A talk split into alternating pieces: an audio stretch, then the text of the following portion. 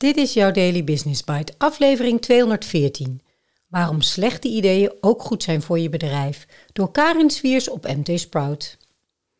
Zo vaak is het al gebeurd dat ik maar wat begon te praten over iets waar Stefan en ik in ons bedrijf destijds ons druk over maakten, of een oplossing of een idee voor wilden hebben.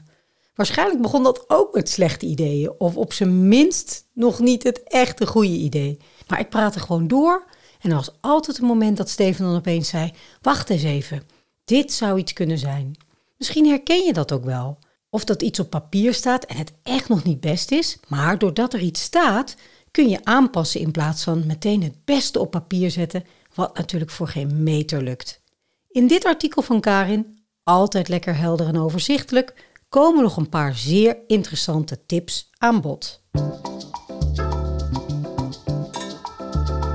Je luistert naar Daily Business Bites met Marja Den Braber, waarin ze voor jou de beste artikelen over persoonlijke ontwikkeling en ondernemen selecteert en voorleest. Elke dag in minder dan 10 minuten. Slechte ideeën zijn aan eerherstel toe. Hoe absurd of idioot ze ook zijn, ze kunnen je wel vooruit helpen. Ik droom van een wereld waarin we met een strak gezicht slechte ideeën kunnen pitchen. Wij Nederlanders houden van regeltjes en organiseren. We standaardiseren en automatiseren erop los, waarmee we tegelijkertijd de variatie, de flexibiliteit en de spontaniteit flink inperken.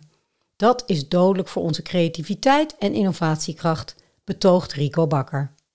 Hij noemt zichzelf een expert in patroondoorbrekend denken en werkt onder meer als spreker, trainer en podcaster. Begin april komt zijn boek De kracht van een slecht idee uit, dat hij zelf al heeft omgedoopt tot het slechtste ideeënboek van 2023. Wat is de essentie van een slecht idee? Het gaat mij niet zozeer om wat goed of fout is, maar vooral om wat we kunnen leren van iets wat op het eerste gezicht absurd of idioot lijkt, aldus Bakker. Hij wil met dit boek delen wat hij zelf heeft geleerd over creativiteit waarom het goed kan zijn om grenzen van de logica op te zoeken en te overschrijden. En hij geeft praktische handvaten mee om tegen de verwachting in te denken en creatief te zijn. Je hebt namelijk een formidabele tegenstander die je hierin zal tegenwerken. Dat is je eigen brein, dat er alles aan zal doen om je terug te sturen naar je bestaande denk- en gedragspatronen. Op de automatische piloot is het moeilijk om van koers te veranderen. Bakker geeft een paar omwegen, shortcuts en houtje-touwtje lessen mee om dat brein te omzeilen. Creativiteit is namelijk geen gave waar je mee geboren bent, je hebt die in eigen beheer, maar je moet er wel tijd voor maken. Breng dus meer continuïteit aan in je creatieve proces, adviseert Bakker. Boek standaard creativiteit in je agenda in. Door dat oefenen word je er steeds beter in. Wat mij betreft zien we creativiteit als een vaardigheid en proberen we, indien nodig, de omstandigheden zodanig te beïnvloeden dat die vaardigheid het beste tot uiting komt, schrijft hij.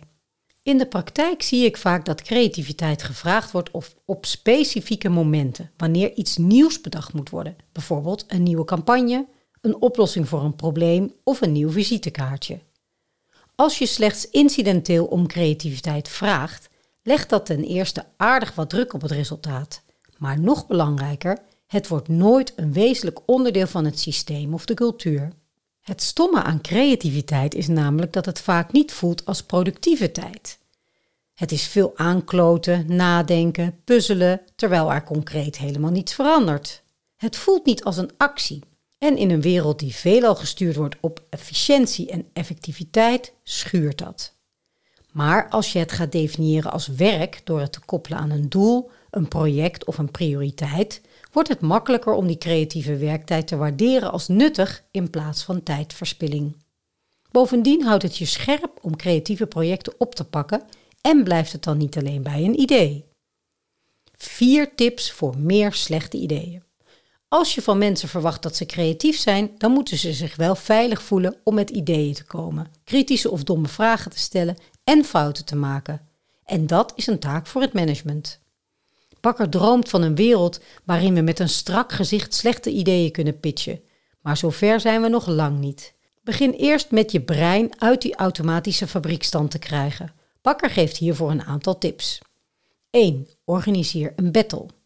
Bedenk een vraag waar je collega's in een paar minuten een zo slecht, absurd en idioot mogelijk idee voor moeten bedenken. Een hoe-vraag werkt vaak goed. Bijvoorbeeld, hoe trekken we zoveel mogelijk mensen naar ons event? Nou, je kan ze bijvoorbeeld ontvoeren. Een normaal mens doet zoiets niet. Maar door ontvoering als inspiratie te gebruiken, kom je wel op vernieuwende ideeën die je misschien wel kan gebruiken, aldus bakker. 2. Keer de zaken om. Omkeren is een tool die Bakker regelmatig gebruikt. Een voorbeeldje uit zijn werk voor het UWV. Hij laat werkzoekenden niet vragen hoe val ik meer op bij een potentiële werkgever. Hij draait de vraag om. Hoe word ik onzichtbaar en onaantrekkelijk voor potentiële werkgevers? Bij die lijst met ideeën zitten er heel wat die ook echt in de praktijk gebeuren. Bakker noemt het een leuke en radicale reflectietechniek om te bedenken waar verbeterpunten liggen. Maar de ideeën om onzichtbaar te worden kun je ook gebruiken om op te vallen, zoals het maken van een faal-CV. Authentiek, dus opvallen gegarandeerd. 3. Denk in beperkingen. Probeer eens een ander antwoord dan 12 te geven op de vraag hoeveel is een dozijn. We hebben de neiging om vragen goed, logisch of realistisch te beantwoorden. Maar als je de juiste antwoorden wegneemt als optie, dan ontstaat er ruimte voor andere antwoorden die ook goed kunnen zijn. Beperkingen maken je namelijk ook creatief. Bedenk hoe je een regeling voor busdiensten optuigt wanneer er geen bushaltes meer zijn.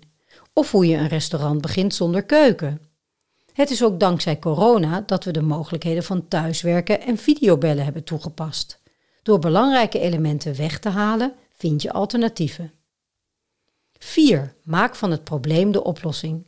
Het is logisch om problemen uit de weg te gaan of tegen te gaan. We willen het probleem oplossen, verhelpen, kortom, er vanaf komen. Bakker stelt voor dat je je afvraagt of het probleem misschien niet de oplossing kan bieden of een nieuwe kans.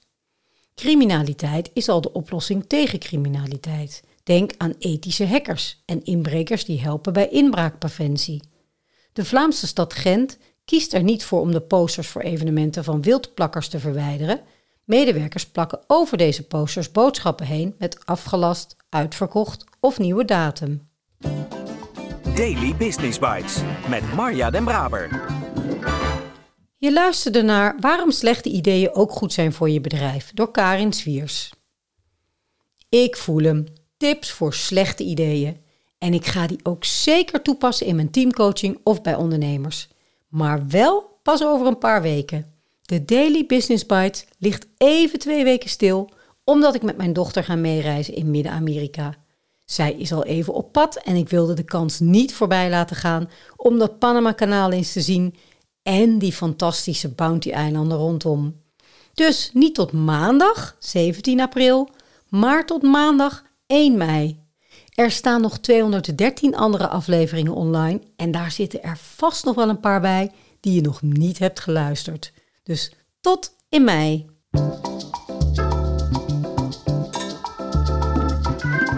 Was Daily Business Bites. Wil je vaker voorgelezen worden? Abonneer je dan op de podcast in je favoriete podcast-app. Meer weten? Klik op de links in de show notes.